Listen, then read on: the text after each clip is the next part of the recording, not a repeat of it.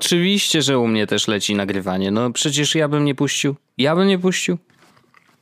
Mm, witam w odcinku 306.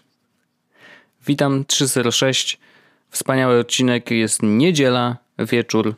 E, to jest taki dobry moment, żeby nagrać odcinek podcastu, bo wtedy mm, ci, którzy nie lubią spać, to słuchają sobie wieczorem jeszcze i później w poniedziałek mają jeszcze bardziej poniedziałkowy poniedziałek. A ci, co lubią słuchać w dojeździe do pracy, to dobrze rozpoczynają tydzień, e, więc słuchają sobie podcastu przed pierwszym dniem tygodnia. Bardzo dobrze. Ja Wojtku mam temat, który jest follow-upem z zeszłego tygodnia, więc chciałbym od niego zacząć. Dobrze. E, bo chciałbym e, jakby poruszyć temat, o którym jakby, przez który troszeczkę przebiegłeś w zeszłym odcinku, to znaczy e, jak wygląda szyfrowanie danych w iCloudzie i tam A, dostałeś słusznie. tak zwane zjebki. Potwierdzam i bardzo słuszne zresztą. Tak, natomiast pojawiło się, że e, myślę, że dobrze by było, żebym ja to wyjaśnił, e, bo ja bardzo chętnie to wyjaśnię w bardzo prosty sposób, e, co i jak jest szyfrowane. Jedyne co, e, to mhm. sobie tylko odpalę tutaj ściągę, żeby mieć... E, Okej, okay, mam. E, to, to co? To, to powiem jak to jest, Wojtek. Bo Powiedz mi jak to jest. Dane w iCloudzie są szyfrowane. Kropka. To jest fakt. Mhm. teraz tak. nie musisz się bać. A ja powiedziałem, że nie są. I to był mój błąd. Tak. Bo ja wy wykonałem taki bardzo duży skrót myślowy, yy, bo tak w skrócie, co ja miałem na myśli założyłem, znaczy, one są szyfrowane, tylko jak ktoś ma klucz, to ja założyłem, że no to tak naprawdę można pomyśleć, że nie są, nie? No bo jeżeli ktokolwiek poza tobą Co, ma klucz, Co wbrew nie jest znaczy, takim że... głupim założeniem, no nie? Jakby, ale nie jakby... powinno, ale wiesz, w sensie formalnie jest... tak, właśnie, tak. W sensie, to jest to, to, jest, to jest tak, że To jest tak, że dane na iCloudzie są szyfrowane, natomiast jest różnica pomiędzy szyfrowaniem a szyfrowaniem. I teraz y, są za, załóżmy sobie na, na podstawie tego, jakby tego rozważenia trzy rodzaje szyfrowania. W momencie, w którym dane no. są przesyłane, w momencie, w którym dane mhm. leżą na serwerze i mhm. e, zróbmy sobie jeszcze, że, to jest, że są szyfrowane tak, że tylko ty masz do nich dostęp. I teraz Apple szyfruje e, dane na te trzy sposoby, ale nie wszystko. To znaczy tak, e, mhm. większość rzeczy, a właściwie wszystkie rzeczy, które są związane z Twoim e, iCloudem, są szyfrowane, e, kiedy są przesyłane. To znaczy, że jeśli ktoś na przykład połączy się, załóżmy, do Twojego Wi-Fi i będzie sprawdzał ruch, jaki wychodzi z Twojego urządzenia, to jedyne mhm. co zobaczy, to że Twoje urządzenie połączone jest z serwerem Apple. I to jest wszystko. I wysyła jakieś I wysyła i pobiera coś. jakieś dane. Nie, wie, nie można sprawdzić, co to jest. To jest pierwsze jakby. Mhm. I to są wszystkie dane związane z Twoim. E, z twoim jakby szyfrowaniem e, w ruchu, tak? Te mhm. dane mhm. są też szyfrowane na Apple serwerze. To znaczy, kiedy ktoś się teraz by włamał do Apple, to zobaczy tylko jakiś gibberish. Nie będzie wiedział na tak naprawdę, mhm. co to są za dane, e, jak one wyglądają, co w nich jest. Nie ma takiej informacji, no nie? E, mhm. Natomiast jest jeszcze jeden poziom szyfrowania i to jest to szyfrowanie end-to-end. -end. I co to znaczy, że szyfrowanie end-to-end? -end? To znaczy, że to są dane, które są szyfrowane twoim kluczem, który posiadasz tylko ty. Bo dane, mhm. które są u Apple, tak, takie na przykład jak twój backup, historia i e, zakładki w Safari, e, rzeczy, które masz na iCloud Drive, czy wiadomości iMessage, które są e, w iCloudzie, są szyfrowane tylko i wyłącznie kluczem, który masz ty, ale ma też Apple. Natomiast szyfrowanie mhm. end-to-end -end polega na tym, że ten klucz masz tylko ty. E, i on e, jakby nie opuszcza twojego urządzenia. Dlatego na przykład, kiedy przenosisz się z telefonu jednego na drugi, no nie, mimo tego, że podasz swoje hasło iCloud, to on na przykład chce e, podaj hasło z telefonu, w którym miałeś poprzednio. Nie wiem, czy zwrócisz mhm. uwagę, że takie coś się czasami pojawia. Tak. I to dlatego, że te dane, które przywraca, są właśnie zaszyfrowane end-to-end. I tych danych, które oni szyfrują end-to-end, jest parę. Szyfrują wszystkie dane związane z twoim jakby domem e, w aplikacji dom mm, do tego HomeKit, tak? Szyfrują wszystkie dane związane z twoim zdrowiem. Szyfrują wszystkie mhm. dane związane z twoimi płatnościami. E, wszystkie twoje hasła i accounts, które są w iCloud Keychain. Mhm. Wszystkie e, rzeczy, które nauczyła się klawiatura QuickType, czyli twoje skróty, czy twoje jakby, jak ją nauczyłeś, żeby, wiesz, żebyś mógł Poprawiała błędy, tak, no. na przykład, tak? Informacje na, tego, na temat twojego screen time, informacje, które są w Siri, to znaczy kto jest twoją dziewczyną, kto jest twoją żoną i tak dalej, i hasła Mhm. Wi-Fi. Okej. To są e, rzeczy, które są szyfrowane end-to-end. Natomiast jest jeszcze jedna istotna rzecz, która właśnie tyczy się tych wiadomości e, iMessage, które są w chmurze.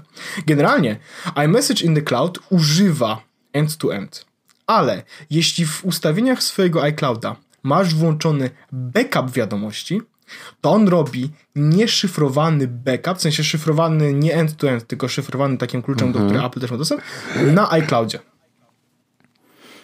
Okej.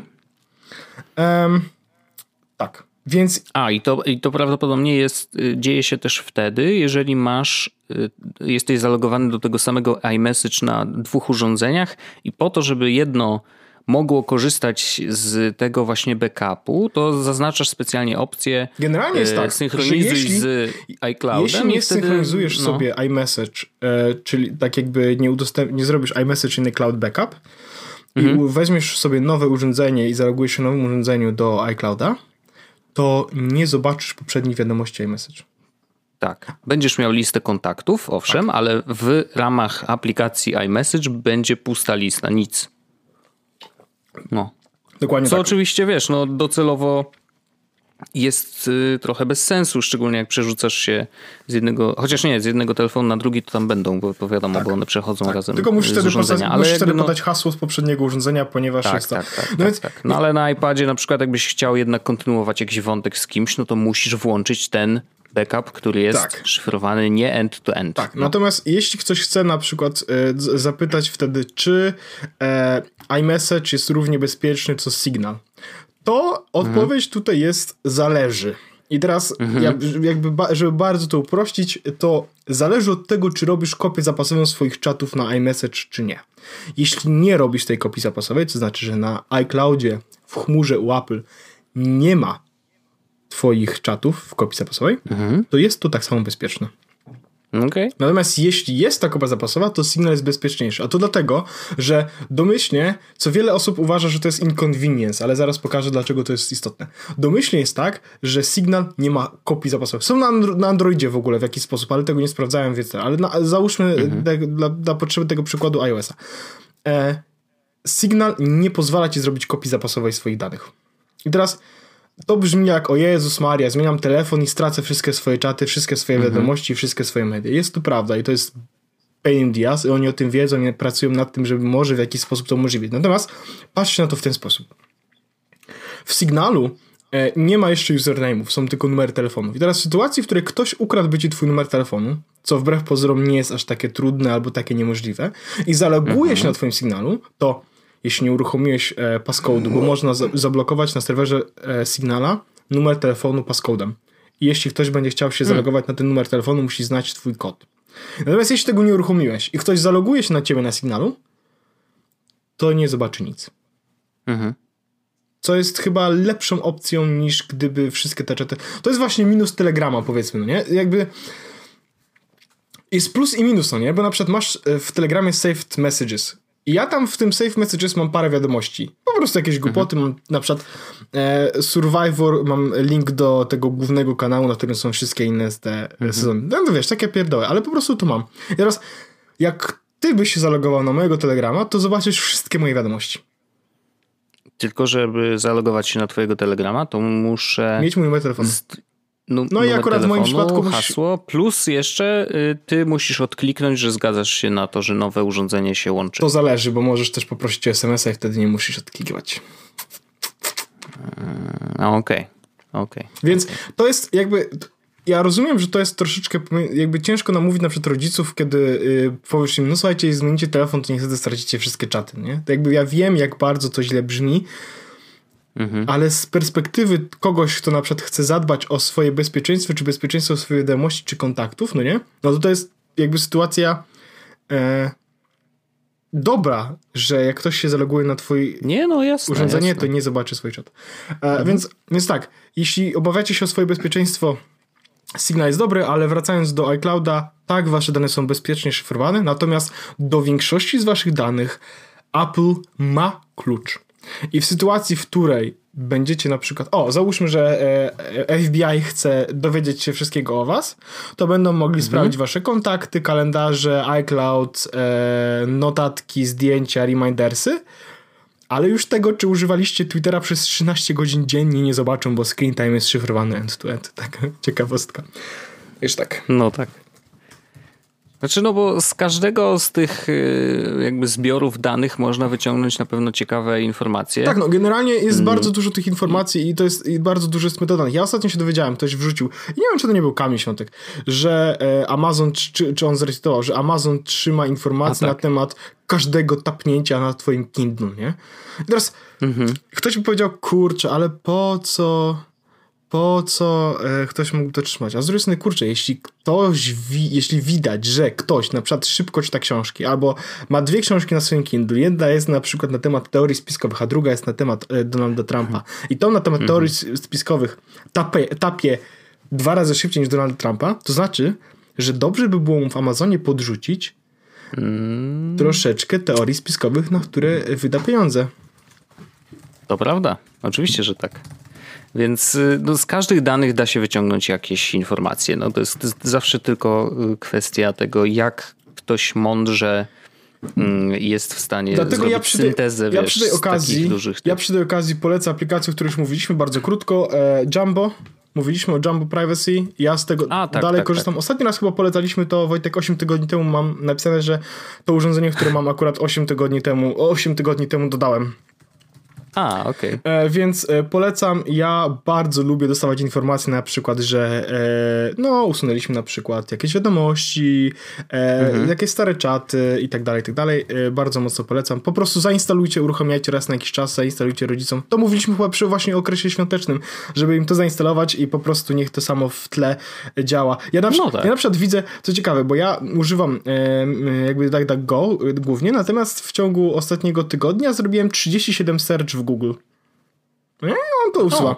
195 mhm. Google Maps Activities Deleted. To jest w ogóle ciekawe. Nie mam żadnego mhm. pojęcia, bo nie używam Google Maps na telefonie. Dobra, dobra.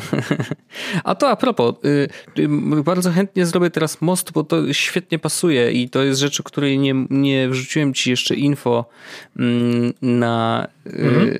jako te jeden z tematów, ale myślę, że to jest ciekawe. Google Maps, jak wiesz, Aplikacja jeżeli chodzi o. Jest taka aplikacja i ona pokazuje ci, szczególnie jak jeździsz samochodem, jak bardzo Ach, są Y, tak, ulice mm, zapchane samochodami, nie? No i w zależności od koloru danej ulicy y, jest w stanie ci pokazać, czy jak jest zielono, to oczywiście da się przejechać bez problemu. Y, żółty czy tam pomarańczowy kolor to znaczy, że są jakieś tam mm, lekkie koreczki, czerwony i taki bardzo mocno bordowy.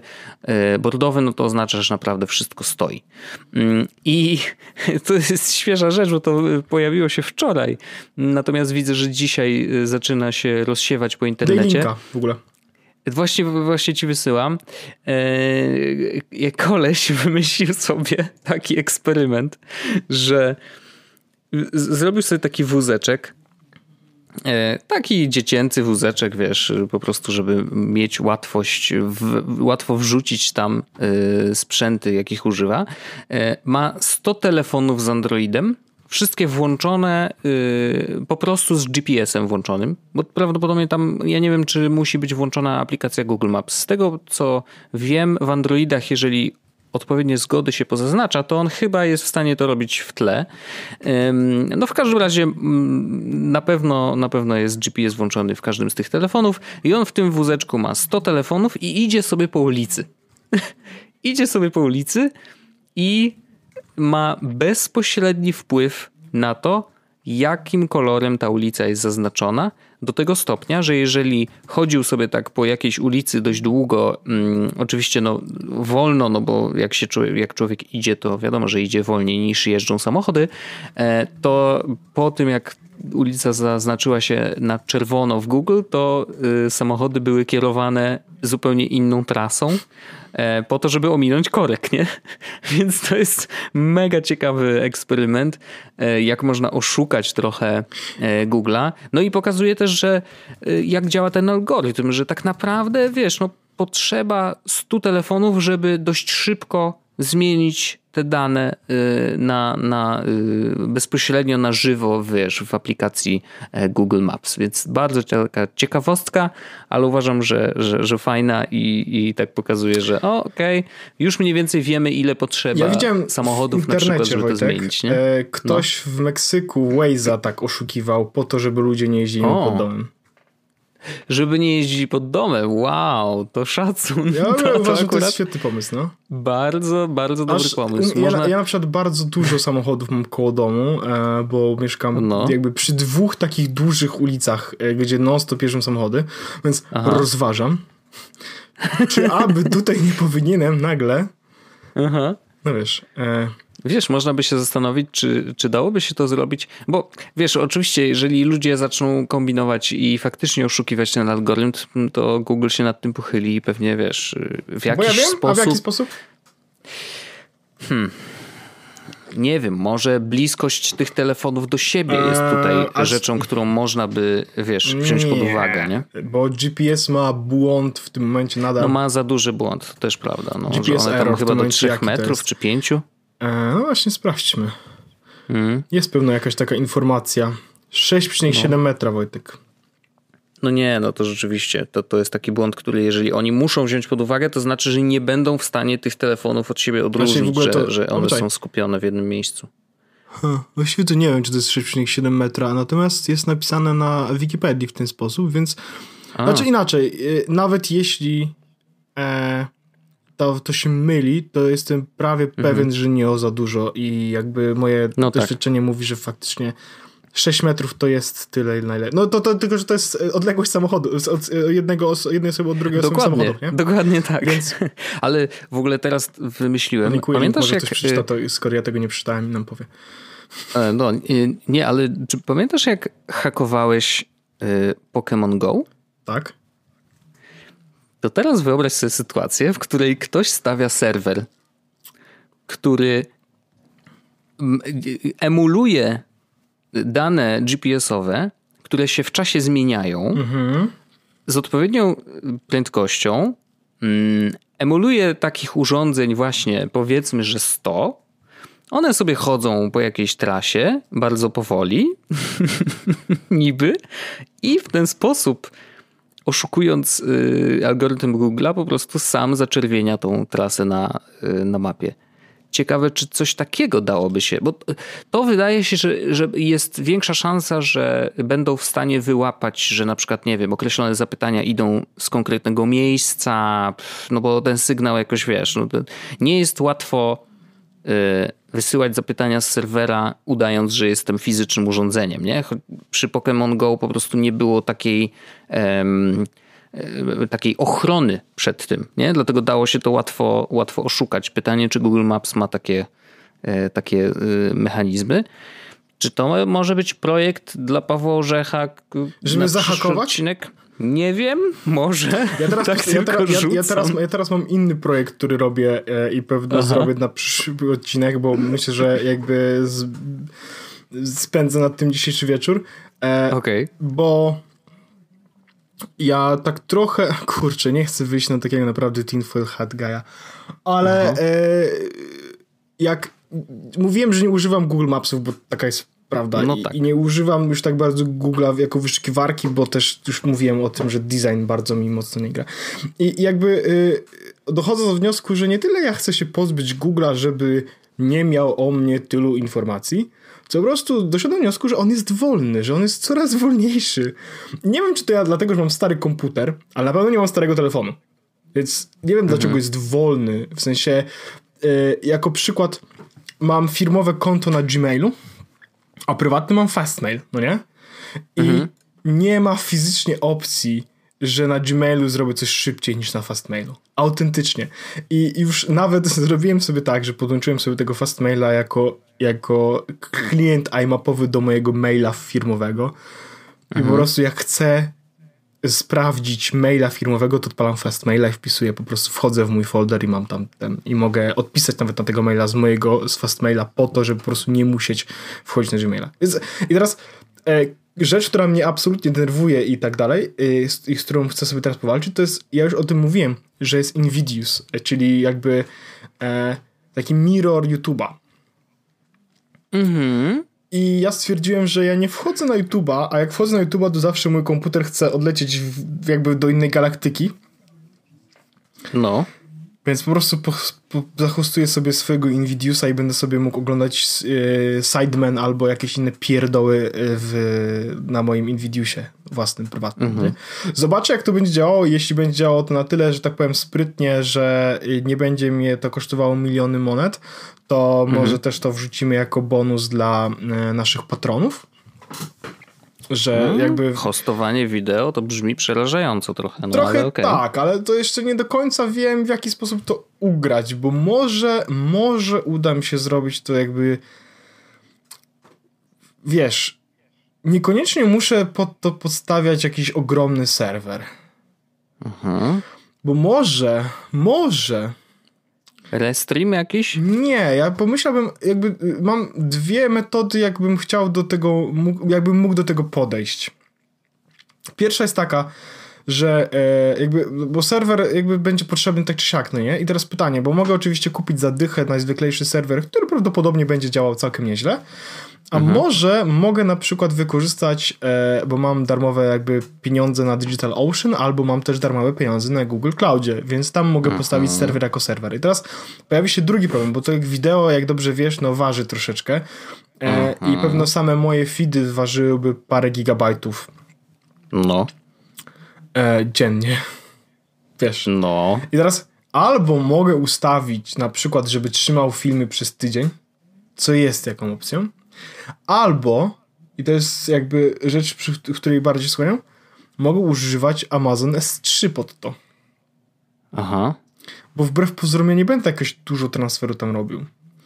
I teraz jeśli robiłbym transferu na 3 dolary, w sensie za, jeśli, jeśli to kosztowałoby mi 5 dolarów miesięcznie, mhm to nie jest to wcale aż taki duży koszt, żeby móc spokojnie, bez reklam i jakby w cywilizowany sposób oglądać tych parę kanałów YouTube'owskich, które mnie interesują. Mhm. Czy ma to sens, okay. co powiedziałem? No chyba tak. chyba tak. Chociaż, no, wiesz, to ja akurat y, y, płacę za premium y, i zresztą słuchałem ostatnio mm, Adapt, y, bo lubię cały czas, nie wiem, jakoś tak Vitici mnie tutaj zawsze swoimi szalonymi hakami przyciąga do, do, do, do, tego podcastu. Mm, słuchałem akurat, jak on opowiadał o tym, jaki ma setup do oglądania YouTube'a u siebie w domu, który gdzieś częściowo mm, właśnie omija platformę. Ze względu na to, że y, wkurza go to, że na Apple TV apka YouTube'a nie wyświetla i nie jest w stanie wyświetlić wideo w 4K.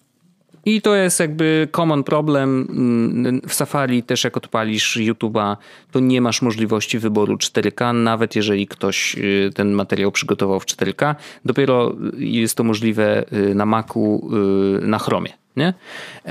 No i z Apple TV jest taki problem, że rzeczywiście no, też to 4K nie działa. Więc on ma taki setup zaszalony. Mm, tylko ja trochę, trochę rozumiem to, jak on, dlaczego on to robi i że ma y, przez to, że płaci subskrypcję YouTube'a i mimo to wchodzi raz na jakiś czas na te kanały swoich ulubionych YouTuberów po to, żeby jakby ten czas, który spędza przy platformie e, oddać im, bo to trochę tak działa, wiesz, że jak płacisz subskrypcję, to y, w zależności od tego, ile czasu spędzisz na jakim kanale, to ta subskrypcja oczywiście po odcięciu tam procentów dla YouTube'a y, jest dzielona między tymi właśnie yy, twórcami. Więc nie wiem, czy to jest aż tak straightforward, że jeżeli yy, wiesz, nie, nie odwiedzasz YouTube'a w ogóle i wejdziesz na jeden kanał swojego ulubionego twórcy w miesiącu raz po to, żeby obejrzeć jakiś jego materiał, jeden, to czy to oznacza, że cała twoja kasa idzie do tego twórcy? Tego nie wiem, bo tam może jest A wiesz, jakoś, który to wiesz, był w ogóle odcinek Adapt? Bo chciałbym to... Jakiś, jakiś ostatni, nie wiem czy przypadkiem nie w ogóle ostatni, który, iPad który był Accessories. najświeższy.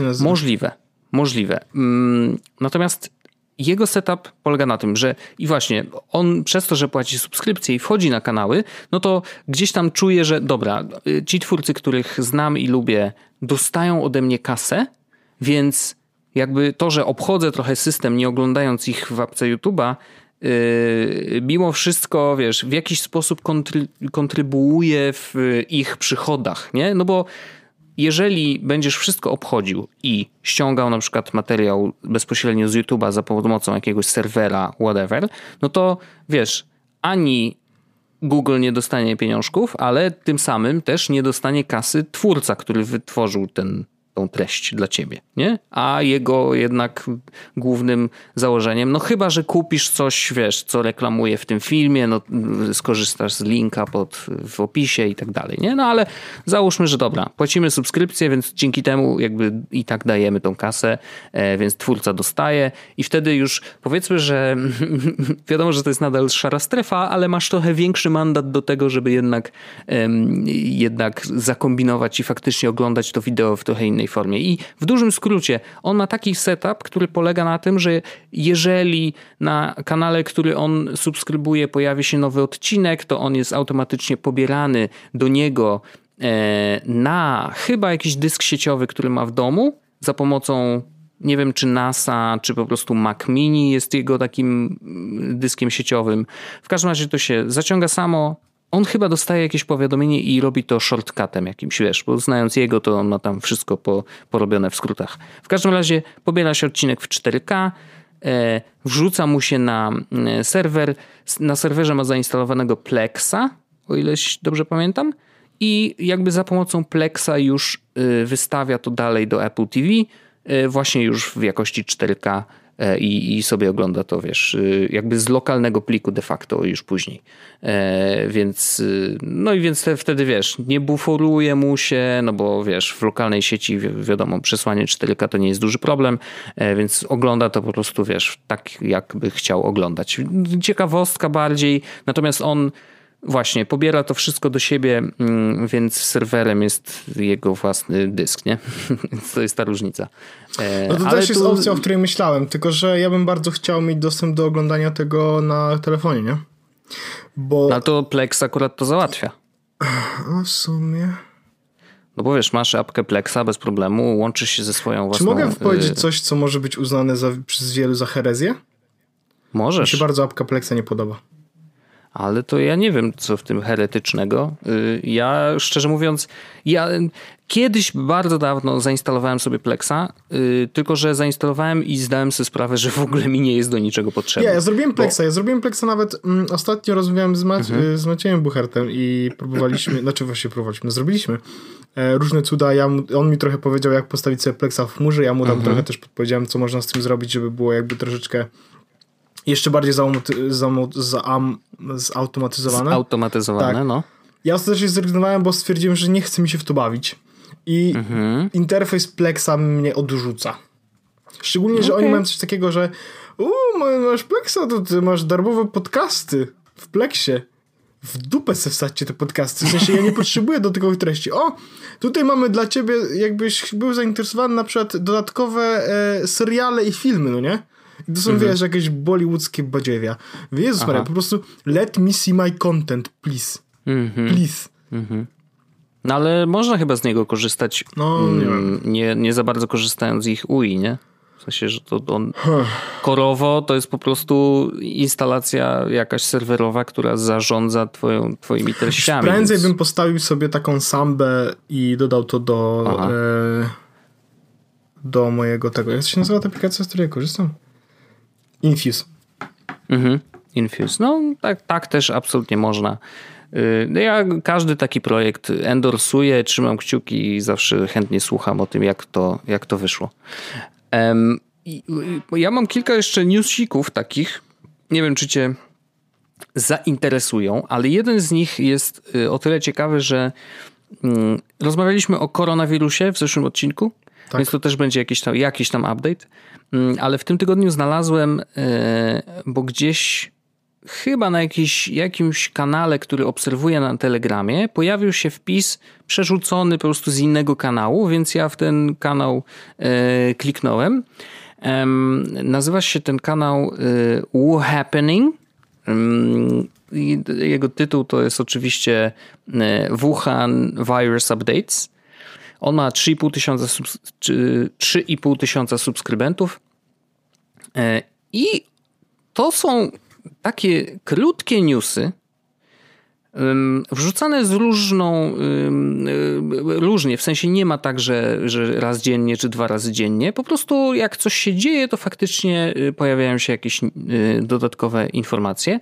One są pisane trochę, tak powiedziałbym, w stylu Donalda. To znaczy, że trochę z jajem, E, są oczywiście poważne, nie? W sensie, że to nie jest tak, że tam sama beka i tak dalej, i same memy. Zdarzają się memiksy oczywiście.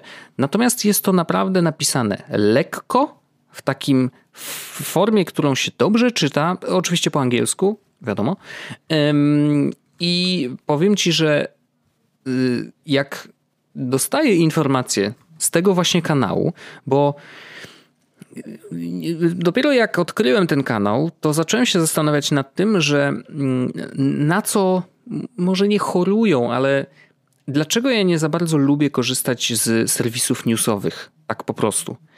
Jakoś nie za bardzo lubię, bo to może, nie wiem, może robię 14 kroków w tył, ale y, chyba internet potrzebuje troszeczkę takiego powrotu do, y, do, do zarania dziejów, do tego jak powstawał i po co właściwie istniał. Bo dzisiaj jak wchodzisz na kanał, jakikolwiek serwis newsowy, to już pomijając to, że wyskakuje 50 różnych okienek, które musisz zamknąć, bo musisz zaakceptować, że ciasteczka, że przecież nie chcesz newslettera, nie, nie chcesz y, powiadomień na desktop z tej strony, no bo bez przesady. E, nie za 10 sekund po tym, jak jesteś na stronie, nie, nie chcę newslettera, dajcie mi spokój, ja naprawdę przyszedłem tu tylko przeczytać dany tekst. Czytasz tekst, oczywiście atakują cię reklamy ze wszystkich stron. Okazuje się, że to jest naprawdę słabo napisane niewiele się dowiedziałeś i, i, i jakby no, jakość tego jest naprawdę słaba. Nie? I przy okazji oczywiście obklejona reklamami ze wszystkich stron, no bo trzeba trochę za, z, zarobić. Nie? Mm, I ja jakby nie mam problemu z tym, że jakby trzeba zarabiać za swoje za, za rzeczy w internecie, ale e, duża część newsowych serwisów typu, nie wiem, no nawet jeżeli to będzie, czy to będą wiadomości na Onecie, czy tam naprawdę na wirtualnej, gdziekolwiek, to zdarza się, że oni, to jest ich decyzja, czy zrobić tak zwanego, wiesz, live, kurde, y, relację live pisaną, który ja generalnie całkiem lubię, ale one zwykle dobrze się sprawdzają przy wydarzeniach, które naprawdę mają development bardzo szybki. Nie? Czyli nie wiem, no coś dużego się wydarzyło i co godzinę, co pół godziny dzieje się coś dodatkowego, dowiadujemy się czegoś nowszego i nie wiem, warto siedzieć i czytać sobie te newsy. Na przykład, nie wiem, zdarzało mi się y, oglądać w ten sposób, właśnie oglądać, to robię teraz oczywiście cudzysłów palcami, ale oglądałem jakieś rzeczy, które, y, jakąś konferencję, nie? I nie mogłem oglądać wideo, ale mogłem sobie odpalić takiego live bloga, powiedzmy, wiesz, z, z, jakiegoś serwisu i po prostu wiedziałem w miarę na bieżąco, co się na, tym, na tej konferencji dzieje, co się pojawia. I to wtedy się bardzo dobrze y, sprawdza. Natomiast trochę gorzej sprawdza się, przynajmniej z, mojego, z mojej perspektywy, śledzenie y, tematów, które oczywiście mają development w czasie y, jakiś, o różnej częstotliwości, ale właśnie w tym jednym temacie. To znaczy, trudno by mi było wejść na ten przysłowiowy onet i znaleźć temat koronawirusa, może jakiś. Czasem są takie jakieś hasztagi pod tekstami, że to należy do tego tematu, coś tam, ale to jest strasznie nieprzyjemne w, w korzystaniu. I w kontrze do tego właśnie i są takie kanały na, na Telegramie. Nie? I oczywiście ten znalazłem zupełnie przypadkowo i myślę, że to też jest dość duży problem Telegrama, że mm, jakby nie jest łatwo znaleźć tego typu kanały samemu, nie? że jeżeli dopóki ktoś ci tego nie podrzuci, no to wiesz, bardzo trudno jest co wpiszesz w wyszukiwarkę, wirusy, coś tam, no w teorii można, ale mm, mi na przykład by to nie przyszło do głowy na razie, ale podejrzewam, że może się to zmienić.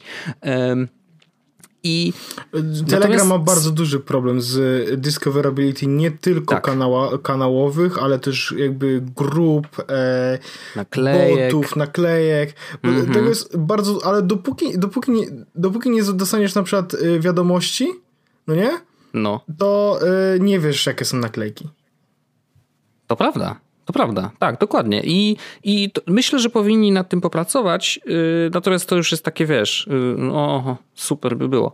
Natomiast yy, rzeczywiście, jak zaczynam, jak znalazłem ten konkretny kanał, to ja naprawdę czuję się dobrze poinformowany o tym, co się dzieje w temacie koronawirusa. To nie jest tak, że ja jestem, wiesz, spanikowany i o Boże, czytam wszystkie newsy, koniecznie muszę wiedzieć, czy przypadkiem w Polsce nie ma.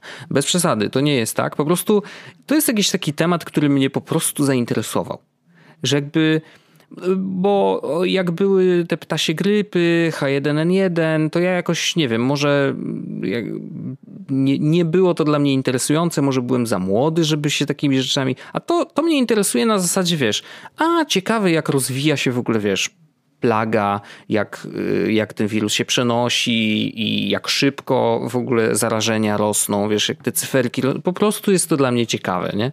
I czytam sobie tego, ten kanał na Telegramie i tak, po pierwsze dowiaduję się o wszystkim bardzo szybko, w bardzo lekkiej formie, bardzo przyjemnej. Na przykład y, dzisiaj y, dosłownie, a 50 minut temu pojawił się newsik, mm, że we Francji, to jest taka ciekawostka, we Francji y, kilka mediów podało, mm, rzuciło newsa, takie lekkie newsiki o tym, jak wygląda życie w, mm, w, w kwarantannie. Że on, dlaczego kwarantanna jest cool? Y, jak to się żyje w kwarantannie? I to są albo live streamy, albo wiesz, pełne żarcików z The Walking Dead, wiesz, jakieś takie rzeczy. I y, autor jakby tego konkretnego y, kanału y, pisze, że no podejrze, podejrzenie jest takie, że prawdopodobnie y, we Francji pojawiły się pierwsze przypadki koronawirusa. Na razie się o tym za szeroko nie mówi, żeby nie wpadli ludzie w panikę, ale przygotowuje się tego typu newsami pod to, że no wiesz, jak trafisz do kwarantanny, to jeszcze nie jest tak źle, jakby tu jest całkiem spoko, śmiesznie i w ogóle luzik. Yy, mamy gierki, mamy coś tam, wiesz o co chodzi? Mhm. I, I po to, żeby ludzi przygotować pod to, że no, jeżeli twoja rodzina trafi do kwarantanny, no to żebyś wiedział, co się z nimi na przykład dzieje, nie? E, w taki lekki, prosty, prosty sposób. Więc to jest to bardzo takie ciekawe, e, ciekawe rzeczy wrzucają. Opisują też, jak, jak właśnie mm, działa, yy, działają niektóre wskaźniki, że WHO tam posługuje się wskaźnikiem R0 i dlaczego on przy różnych wirusach jest inny. No naprawdę jest to bardzo ciekawy kanał. Serdecznie polecam polecam, jeżeli chcecie się czegoś więcej dowiedzieć o, o, o, tym, co się dzieje na świecie, właśnie akurat w tym temacie, to, to jest fajne. Jest dużo memiksów śmiesznych e, i naprawdę jest to dobre. E, bardzo mi się podoba jeden mem. E, koronawirus przychodzi, przyjeżdża do Stanów Zjednoczonych i jest ten. To jest, kurde, chyba ten Bane. I za chwilę jest w różowym stroju, oczywiście Joji. Karen with lavender essential oil, nie? Jako odpowiedź, że kurde, spoko, jesteśmy bezpieczni. Karen jest gotowa na wszystko. E, opowiadanie oczywiście memów na antenie najlepsze, to jest zawsze najlepsze, dobry pomysł, najlepsze, oczywiście. Najlepsze. E, ale, ale tak, polecam ten kanał, jeżeli po prostu was to interesuje. E, bardzo mi się podoba, że na przykład wirus jest nazywany w nim, e, było kilka oczywiście możliwości, był Kung Flu, ale ostatecznie zdecydowali się na Corona Chan. I to jest takie słodkie. To jest naprawdę bardzo, bardzo Szkoda w ogóle, że no, tak, tak, jak sobie tak dłużej pomyślałem, to naprawdę szkoda, że yy, Ja y, widziałem tego Memiksa, ponieważ ja też A, no. obserwuję no. ten kanał. No. Znaczy, naprawdę jest szkoda, że brakuje na Telegramie tego Discoverability, bo ja sobie pomyślałem, że mhm. ja na przykład obserwuję niewiele kanałów, y, czy niewiele miejsc na moim Telegramie. Oprócz y, jakby, ja głównie, głównie Telegram służy mi do paru rzeczy. Pierwsze jest to, że mam tam bota z Jesus Podcastu. Mhm. W sensie z forum Jesus Podcastu to jest pierwsza rzecz. Druga rzecz jest taka, że no rozmawiam tam z tobą oczywiście i jest też, jest, są mhm. też jest wąsacze. W sensie mówię, e, mam e, forum, jest wąsacze i Wojtek i potem saved messages, bo tak mam zapinowane, bo są alfabetycznie. No tak. E, chociaż e, Wojtek jesteś przed saved messages, a jeśli mam być szczery, to z tego co pamiętam alfabet W nie powinno być przed S, no ale nieistotne. E, mm -hmm. Więc to jest głównie mój Telegram. Jest, mam, obserwuję jeszcze tego właśnie Wuhan, widzę jeszcze Donald Newsy, mam jeszcze memy rekreacyjne, ale brakuje mi, bo mam wrażenie, że Telegram może być bardzo przydatny, bardzo istotny i jakby tam jest całkowicie fajny internet, no nie? jakby jest też tam szara strefa, gdzie na przykład na Telegramie spokojnie możesz sobie oglądać e, właśnie e, na przykład filmy i tak dalej, no nie? Mhm. Wiesz, z legalnością tego rozwiązania oczywiście jest różnie, natomiast kurczę, trochę szkoda, że, ten, że, że, że tak ciężko jest, no nie? Żeby, yy, wiesz, znajdować właśnie jakieś nowe rzeczy, yy, inne tak, rzeczy albo ciekawe tak, tak rzeczy. Tak, tak. Zgadzam się. No, my staramy się, bo na forum pamiętam, że wrzuciliśmy ciekawe boty, fajne kanały i tak, tak. dalej. Takich I to trochę umarło, bo też nie, było, nie, nie, dodawaliśmy nic innego, bo kurczę, ciężko jest też szukać. Wiesz, ja kiedyś poświęciłem na to parę wieczorów, żeby po prostu usiąść i poszukać, okej, okay, dobra, to są nowe rzeczy, które mogą mnie interesować. Tutaj są takie boty i tak dalej. Mhm. No ale wiesz, no Signal ma podobny problem, no nie? że też w Signalu nie, niełatwo jest znaleźć na przykład naklejki. Specjalnie zrobili sobie kanał na e, community i wrzucają też na hashtagu, wiesz, no ale kurde, no. No szkoda, szkoda. Mam nadzieję, że, że coś w tym temacie się zmieni, e, bo, bo uważam, że to jest underrated absolutnie. Zawsze dzisiaj dużo y, angielskich słów wciskam, ale to mam Wielka nadzieję, że przez Wielką Brytanię. wyrozumieli. Tak, bo ja po prostu tęsknię za, za wami y, w Unii Europejskiej. Um, ale tak, myślę, że to jest zdecydowanie nieprzeorany temat. A propos tego. Ktoś, no? To E, byli u nas, e, sensie przyjechała do nas Magda siostra. No. Właśnie 31 na weekend. E, no i to był ich pierwszy przyjazd do Londynu, więc chcieliśmy oczywiście, mamy taki już po, po, po półtora roku mieszkania tutaj i po paru wizytach ludzi, którzy do nas przyjeżdżają, mamy takie jakby parę takich jakby... Standardowe miejsca, które trzeba pokazać, Okej, okay, tak? macie trzy dni, to w takiej opcji Yy, będziemy oglądać to, to i to i to, drugiego dnia robimy to, to i to i to i tak dalej, i tak mhm. dalej. I jakby to też ułatwia nam, bo jak y, nie musimy się już zastanawiać na zasadzie, e, czy wziąć lepiej autobus, czy tą trasę lepiej przejść, no nie? No i na przykład wiesz, takie rzeczy w stylu, no jak jesteś na St. Paul's, to właściwie do Tower Hill co prawda jest blisko, ale to nie ma sensu iść, bo tam nic nie ma pomiędzy, w sensie to jest mhm. city, tam nic nie ma, no nie? E, no i, i jakby jedna z tych tras zakładała też, że będziemy oczywiście na Parliament Square i, i zobaczymy Big Ben i cała reszta.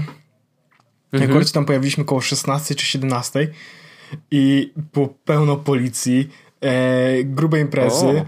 i teraz ja rozumiem, że ludzie się cieszyli, że Brexit i tak dalej, no nie, ale w pewnym momencie przestaliśmy się czuć do końca bezpiecznie. W sensie nie chcę tutaj ja teraz wyjść na jakiegoś takiego snowflakes czy cokolwiek, nie? Ale E, wiesz, oczywiście idą ludzie, którzy mają flagi brytyjskie, Union Jack, Union Jack tak dalej. Idą ludzie, którzy mają przypinki na przykład now and, mhm. e, now and e, so on, e, coś tam, coś tam, coś tam. E, Wielka Brytania zawsze wolna i jakieś takie pierdoły. Nie? Okej, okay. fair enough, nie? I zbliżamy się trochę coraz bardziej, bo byliśmy na Trafalgar Square, idziemy jakby w stronę e, Parliament Square, no nie? I jakby, wiesz, powoli zaczynamy dochodzić do Downing Street, tam gdzie jest biuro premiera, no nie? I zaczyna się robić mhm. tak, że mhm. widzę już ludzi, którzy są całkowicie łysi, idą w glanach i mają przypinki Wielkiej Brytanii i koszulki takie Wielkiej Brytanii. Okej, okay. jest wszystko okej, okay, no nie? Jest wszystko okej. Okay. E, ale jakby e, zaczyna się robić coraz bardziej biało wśród ludzi, no nie? Jakby mm -hmm. elementy ubioru zaczynają być coraz bardziej brytyjskie, takie stricte brytyjskie. Coraz bardziej skórzane. No, coraz bardziej skórzane i, i, i tak w pewnym momencie stwierdziliśmy, wiesz co, to może trochę zrobimy derail z naszego spacerku i pójdziemy troszeczkę inaczej mm i tak mhm. dalej. I ja nie chcę teraz właśnie zgrywać na zasadzie, o, przestraszyłem się, bo wiesz, jakby ten, no nie? Ale był bardzo mocno taki nacjonalistyczny vibe e, na tym, mhm. tym. I e, my oczywiście wszyscy wyglądamy, jakby nie wyglądamy na niebrytoli. Jakby... No tak, to jest... Natomiast y, mówimy po polsku i rozmawialiśmy wszyscy ze po polsku, no nie? Mhm. I, I to był jeden z tych momentów, w których czułem, że nie jestem, nie pasuję do grupy i ludzie, którzy mhm. byli, nie wszyscy oczywiście, no nie, ale jakby było widać też, że, że, że, że to jest stricte brytyjskie towarzystwo i, i jakby nie, nie do końca jesteśmy tam mile widziani. Nic się mhm. nam nie stało, nikt nam nic nie zrobił, nikt nam też nic nie powiedział. Ale nie zawsze potrzebujesz, żeby ktoś ci powiedział, że to nie jest dobre miejsce, w którym powinieneś teraz być, no nie? E, I to było dziwne, to było dziwne. To był jeden z niewielu razy, mhm. kiedy faktycznie czułem się nie do końca mile widziany, nie? W tym momencie E, I ja też nie chcę, wiesz, jakby roz, rozpętać tutaj jakby jakiejś politycznej e, rozmowy czy, czy czegoś w tym stylu, ale naprawdę to był jeden z tych paru razy, kiedy nie, nie czułem się do końca bezpiecznie mhm. w, tym, w tym miejscu, nie? No to pozostaje tylko wracać. Co? No, już, do domu. Już się Wojtek pakuje. Jadę do domu. Mamo, mamo, to ja, twój syn, strudzony. Grzej w piecu. No. Syn wraca. Go, gotuj pomidorową. Całe garbigosu. Tak jest. Muszę się poczuć jak w domu. A to jest żart w e, ogóle. No mam nadzieję, że wiesz, że, że to było jednak. Znasz ten żart z Bigosem i z kinem? Nie? Do. E, mamo, mamo, jaki dobry bigos, ale może weź ten, weźmy, zjedzmy coś innego. Nie maruć, tylko wpieprzaj. Mamo, ale bigos w kinie mam jeść. I to jest zabawne.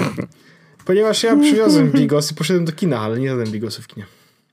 Okej. Okay. Okay. No nie, w każdym razie... To mam nadzieję, że poczułeś się tak jednorazowo i... Było, no jest czasami tutaj tak, Inaczej, że... mam nadzieję, że to się nie będzie pogłębiać. Wiesz o co chodzi? Że no. jakby to nie jest początek mm, jakiejś zmiany. Chociaż wiesz, no zagłosowali, nie? jakby nie, no na jasne, dość konserwatywny rząd teraz. I... Jest, jest, jest to niestety y, widoczne i, i jest też taki jakiś film. No może, może ludzie mi napiszą, że zupełnie tak oni nie mają i, i jakby jest to ok, bo to nie znaczy, że wszyscy tak mają czy cokolwiek. Mhm. Ale tutaj tak po prostu było, że, że ten, że było tak, wiesz, bardzo dziwnie, no nie? No rozumiem, rozumiem. Szkoda, że tego doświadczyłeś, ale to też nie było jeszcze jakoś super y, hardkorowe, nie? Jakby dobrze, że, że, że nie, nie było żadnej, wiesz, nie, no jasne, fizycznej jakby, tutaj jakby, Znaczy wiesz, było, było, też bardzo dużo policji i tak dalej, więc jakby nie było, nie było źle. Mm. No ale to był jeden z tych takich. Natomiast, e, mhm. natomiast sam spacer po Londynie i samo zwiedzanie Londynu bardzo się dobrze udało oczywiście i, i takie standardowe miejsca. Mamy też o tyle łatwo, że Mieszkamy w takim miejscu w Londynie, że jak chcemy zrobić bardzo fajny spacer, w sensie ktoś musi się przygotować na 10 km przynajmniej chodzenia. Co wbrew pozorom nie jest aż w ciągu całego dnia. E, co nie jest mhm. aż tak strasznie dużo, ale mamy o tyle przyjemnie, że my mieszkamy jakby po jednej, jakby w drugiej strefie po jednej stronie Londynu, więc nasza trasa i zakłada, że jedziemy na drugą stronę całkowicie Londynu. Mm. I po prostu robimy spacer, jakby wracamy do domu i parę no. razy jakby wchodzimy w metro, żeby podjechać trochę dalej, żeby zobaczyć różne miejsca i to też bardzo dobrze się sprawdza, bo, bo Londyn tak do, można zwiedzić bardzo, mm, bardzo szybko, bardzo łatwo w jeden dzień zobaczyć dużo rzeczy. Raz mieliśmy na przykład yy, właśnie druga Magda siostra tam przyjechała i miała wtedy, oni mieli mniej czasu i jakby chcieli zobaczyć w dwa dni wszystko, co się tylko dało to zrobiliśmy oh, 25 wow. km jednego dnia, ale zobaczyli wszystko. W sensie i drugiego dnia mieliśmy mm -hmm. na zasadzie, co wy chcie, co chcielibyście jeszcze pogłębić, żeby zobaczyć, no nie? Ale wiesz, na zasadzie okay.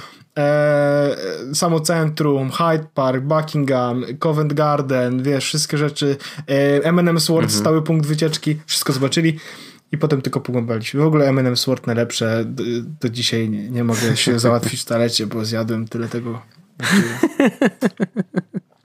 Rozumiem. E, no, ale jakbyś planował jednak powrót, e, to w Warszawie Apple szuka e, człowieka widziałem, od Siri. Widziałem. Ja akurat się do tego nie nadaję. Mogę zmienić, żeby Siri wyglądała na mądrą. Ale ona dalej będzie tak. głupia. No niestety, ale faktycznie takie miejsce e, na oficjalnej stronie Apple mm, jest po prostu, można wysyłać CV i, i taka oferta jest. E, jest oznaczenie, że to jest Warszawa, Polska jak najbardziej. No i oczywiście no, potrzebujesz wiesz, doświadczenia, pięć, ponad 5 lat doświadczenia w pracy z, ze Sparkiem lub tam każdą inną architekturą Big Data, czyli Hadoopem, MapReduce, jakieś takie rzeczy. E, więc no, wymagania są oczywiście bardzo, bardzo duże, ale jak ktoś chce i ma już takie doświadczenie, no to może niech się za to weźmie, bo co też oczywiście pokazuje, że y, Polska Siri to nie jest temat, który zobaczymy bliżej jakoś absolutnie, absolutnie. To jeszcze dużo wody w Wiśle upłynie, zanim zobaczymy Siri, która będzie po polsku nie, nie umiała odpowiedzieć na żadne twoje pytanie.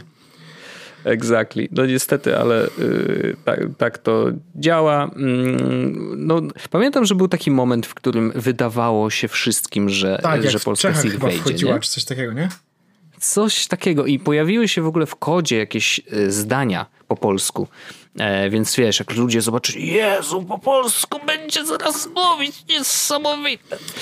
No, ale Pols to nie. Polska nie, nie, już niedługo. Ta. Gdzie to jest? Poczekaj. E... E, Siri możesz być niedługo dostępna w offline, Siri w Spotify, mm, Siri mm. po polsku. O, chyba mamy.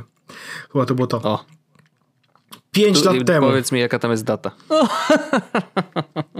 Ojej, ja myślałem, że to będzie tak, wiesz, dwa lata, nie? A to pięć lat temu. E, no to tak, to, to myślę, że kolejne trzy lata. Sprzed y, pięciu lat y, Siri przemówi po polsku i uwaga, to jest napisane. Dotąd Siri nie wspiera języka polskiego. Pewnym krokiem naprzód było wprowadzenie dyktowania w naszej mowie ojczystej w iOS 1, y, w iOS 8. Jak donosi czeski serwis Odkryte w najnowszej wersji iOS 8.1.2 ciągi tekstowe wskazują, że już niedługo Siri zacznie rozumieć trzy języki słowiańskie: polski, czeski i słowacki. Mm. No i tak. I poczekaliśmy trochę i jeszcze pewnie poczekamy. Ale to nie jest tak, że ja jakoś czekam bo to, że będzie mówić po polsku, to wcale nie zmieni faktu, że jest y, głupia i właściwie do, na niewiele rzeczy y, pozwala, więc jakby whatever. To ta, taka ciekawostka ode mnie. I um, ja obiecałem, ja nie wiem, czy Właściwie chyba, jest, tak, jedna, jest, zdążę, jest, jest tylko mamy... jedna rzecz, jest no? tylko jedna wytyk rzecz związana z Syrii. E, polską, którą ja, ja, właściwie nie czekam na Siri po polsku, bo ja wiem, że ona jest głupia, jest nieużyteczna, ale jeśli pojawiłaby no, się no, no. Siri, to pojawiłaby się też ta klawiatura, która umie podpowiadać. A, to jest z jednej strony, a z drugiej jeszcze jest jedna rzecz, która by się przydała, to jest czytanie iMessage, y, czy tak, w ogóle wiadomości oj, tak, tak, tak. Y, w CarPlayu, wiesz?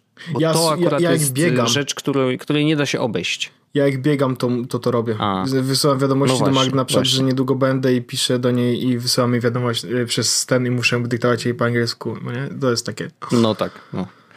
No, to, to, to, to rzeczywiście się może przydać, ale generalnie no, jakoś niespecjalnie czekam. Mm, ja jeszcze obiecałem y, Przemkowi, mm, bo zapytał na forum y, i powiedziałem, że wpisuję to do listy naszych tematów, bo zapytał mnie o mój setup E, pracowy i, i, i w domu, jak pracuję z domu. E, to znaczy, jaki, wiesz, z jakiego sprzętu korzystam. Mm, więc naprawdę w takim krótkim, bo nie mamy też jakoś super dużo czasu, ale postaram się szybko opowiedzieć, bo rzeczywiście no, mm, lata minęły, a tak naprawdę dostaliśmy, mamy nowych słuchaczy. Może nie wszyscy wiedzą, jakby z jakiego sprzętu korzystamy na co dzień, ale prawda jest też taka, że od kiedy zaczęliśmy, to u mnie sprzęt się jakoś niespecjalnie zmienił. No my to samo. W sensie był, był tylko no, nie, jeden... Nie, jedna... u mnie się zmieniło. No, u mnie była jedna zmiana, bo o ile dobrze pamiętam, to my. Czy my nagrywaliśmy. No, pięć. Kiedy my zaczęliśmy? Na, zacząłeś nagrywać na. Mm, miałeś y, Hackintosha, ale jak nie Hackintosha, to nagrywałeś widzisz. na Windowsie tak. takim dużym i potem y, coś nie pamiętam. E, tak, rzeczywiście miałem e, przez na samym początku Hackintosha którego mi tam e, pomagał e, składać znajomy. Mm. I. A, właśnie, no tu widzę, że jest zdjęcie 2 października 2014, czyli ja w 2014 kupiłem Maca Pro. Tak. On jest z 2013, więc ja rok później jakby yy, kupiłem faktycznie yy, Maca Pro. Więc to była ta zmiana największa w sumie w tym całym naszym, w tym moim jakby setupie, ale od tamtego czasu naprawdę niewiele się zmieniło, bo ja do dzisiaj korzystam z tego Maca Pro. Całkiem niedawno wrzuciłem do niego dodatkowy RAM yy, i teraz mam 64 giga. On cały czas ma 256 yy, dysk Y, giga. Mm, SSD oczywiście ten, który wrzucają po prostu, który wrzuca Apple, bo też zakładałem, że o ile RAM i dysk można dość łatwo wymienić, tak później się okazało, że y, procesor też. Mm, natomiast no jeszcze do tego nie podchodzę, bo też nie czuję, że jest to potrzebne, ale w razie czego wiem, że procesor też będę mógł wymienić y, w przyszłości, jak mi się znudzi ten, co mam. Y, tak, karty graficzne też tam jest trochę problem już, y, żeby je wymienić, więc ja jak kupowałem tego Maca Pro, to tak, kartę graficzną kupiłem jakby o jeden stopień wyżej niż ta podstawowa e, i, i tyle właściwie. A, no i procesor też kupiłem o jeden, jeden krok dalej niż ten y, podstawowy, a dysk zostawiłem taki jaki był, RAM zostawiłem 16, bo taki był w bazowej wersji. Więc teraz wymieniłem RAM, jest bardzo przyjemnie, natomiast on nadal mi świetnie służy. Ja mam takie poczucie, że cały czas jest mm, trochę martwię się ewentualną zmianą, bo on ma e, bardzo dużo złącz Thunderbolt mm, i nowe, jakikolwiek by to nie był komputer, czy to będzie iMac, czy, czy nawet Mac Mini w sumie, one już Thunderbolta nie mają, wszystkie się przerzuciły na USB-C. No i ja teraz, wiesz, z tymi akcesoriami będę miał problem, bo ja mam na przykład Jeden dysk mam na USB 3.0, dwa dodatkowe dyski mam już na Thunderbolta. One są spięte w Ale to chyba pętle. możesz, ale nie ma chyba problemu z, jakby jest problem w drugą stronę, żebyś dysk USB-C podłączył do Aha. ale nie ma problemu jakbyś miał, masz, że masz dyski Bo jest e... przejściówka. Tak. I, jest, i ta przejściówka, ja wiem, że jest przejściówka, ona trochę kosztuje, bo oczywiście tam z 250 zł za kurde pół kabelka, nie? E, natomiast ona jest dwustronna, czyli jakby niezależnie od tego możesz USB-C podpiąć e, i i z drugiej strony masz Thunderbolt, ale też odwrotnie. To znaczy, że tam da się tak zrobić, że ona będzie działać w jedną albo w drugą stronę, no ale w moim przypadku chodzi o to, żeby z Thunderbolta przerzucić się na USB-C i to USB-C podpiąć do ewentualnego nowego komputera. E, więc to będzie jakiś tam problem, bo ja naprawdę y, dość aktywnie korzystam z tych dwóch dysków e, Thunderboltowych i one ze sobą są spięte w taki y, łańcuch, że jeden dysk jest podpięty do drugiego a ten drugi jest podpięty do komputera i komputer normalnie, wiesz, je wykrywa, tam do, możliwe jest y, spięcia w łańcuch aż do sześciu y, urządzeń, więc ja miałem tak, że miałem przez długi czas jeden taki dysk, w którymś momencie, wiesz, zaczęło brakować miejsca, więc stwierdziłem, że to czas na to, żeby dokupić drugi i po prostu go dorzuciłem, wiesz, jako kolejny, y, kolejny przęsełko w tym łańcuchu. E, no i tam wiesz, no wymieniłem sobie tą klawiaturę całkiem niedawno na tego Logitecha Craft. E, mam tego MX Mastera trójeczkę, która bardzo się fajnie sprawdza. Mm, monitor mam EIZO i jest ok, ale uważam, że to jest najsłabszy punkt w ogóle tego komputera, ze względu na to, że owszem, ja wiem, on, to są super monitory dla tych wariatów, co obrabiają zdjęcia i co robią super y, kolor korekcję na wideo. Ja nie umiem tego robić. Nie umiem, nigdy się nie nauczyłem i podejrzewam, że się pewnie nigdy nie nauczę, chociaż może przypnie mnie kiedyś konieczność taka, to może wtedy, ale ja po prostu nie mam takiego zmysłu e, artystycznego, to znaczy ja nie wiem do czego dążę. Wiesz o co chodzi? Że jakby mhm. Ja nie wiem, co mi się podoba. I ja nie wiem, czy to wideo powinno być bardziej czerwone, bardziej pomarańczowe, czy bardziej takie, czy srakie. Po prostu nie mam pojęcia, do czego dążyć. I jedyne, co bym robił, jeżeli miałbym robić taką, wiesz, zaawansowaną e, koloryzację typu dostaję materiał w S-logu, czyli takim zupełnie szarym i ja na to nakładam, wiesz, jakieś kolory, to ja bym po prostu siedział na YouTubie i szukał, no dobra, y, to jak oni to robią? Dobra, to tu więcej saturacji, czy tu więcej coś tam? Dla Ale mnie to chyba to tak zależy od tego, problem. jak ty masz. Ja na przykład myślę, że ja bym sobie z tym poradził, bo ja na przykład wiem, jakie kolory widzę, no nie? Ja tylko to jest, widzisz. No to pamiętam, jak ty obrabiałeś zdjęcia, pamiętasz? To, to właśnie już o tym rozmawialiśmy, nie? Że ja widzę, że, co. Że ty masz gdzieś, dokładnie, masz ten punkt odniesienia w głowie, że a wiem, co bym chciał uzyskać, albo jak widziałem tą scenę i chcę teraz to, co zapisał mi telefon, zamienić na to, co ja widziałem oczami. Nie? Ja nie mam takiego w ogóle, nie, nie wiem, mój mózg tak nie działa, nie jestem w stanie, po prostu nie wiem, może ma jakąś wtórną analfabetyczność kolorową. No nie, nie mam pojęcia. W każdym razie mam z tym problem i jak kupowałem ten komputer, to mi poradzili, że no wiesz, jak będziesz montował wideo, to musisz mieć EIZO, bo jak go dobrze, wiesz, tam zrobisz mu yy, tą kalibrację, Nigdy w życiu nie zrobiłem kalibracji. Do dzisiaj nie wiem, jak to się robi, ale nie mów nikomu. To wtedy wiesz, na pewno to, co zrobisz tutaj na tym monitorze, to to później ludzie jak będą oglądać, to będą widzieć dokładnie tak, jak ty to widziałeś u siebie. Bullshit, no, bo ludzie oglądają fajnie. potem na iPhone'ie z trybem no, e, żółtym i dokładnie. właściwie no, no, jak no, gotowe. No już, to już inna sprawa. Więc tak, ten monitor był dość drogi, jak na y, jakby, wiesz, monitor tak po prostu w tamtym czasie. I on oczywiście super oddaje kolory, ale niestety nie ma, y, nie ma rozdzielczości retina, więc on właściwie wyświetla, wiesz, obrazek y, w tym takim dziwnym, aż nawet zobaczę, bo to jest, co to jest? Monitor, monitor, monitor. Gdzie on jest, kurde? No nie widzę teraz. Monitory. Yy, aha, rozdzielczość. Domyślna dla monitora i teraz on skalowalna. 1920 na 1200. No to wiesz, no to jest mało, nie?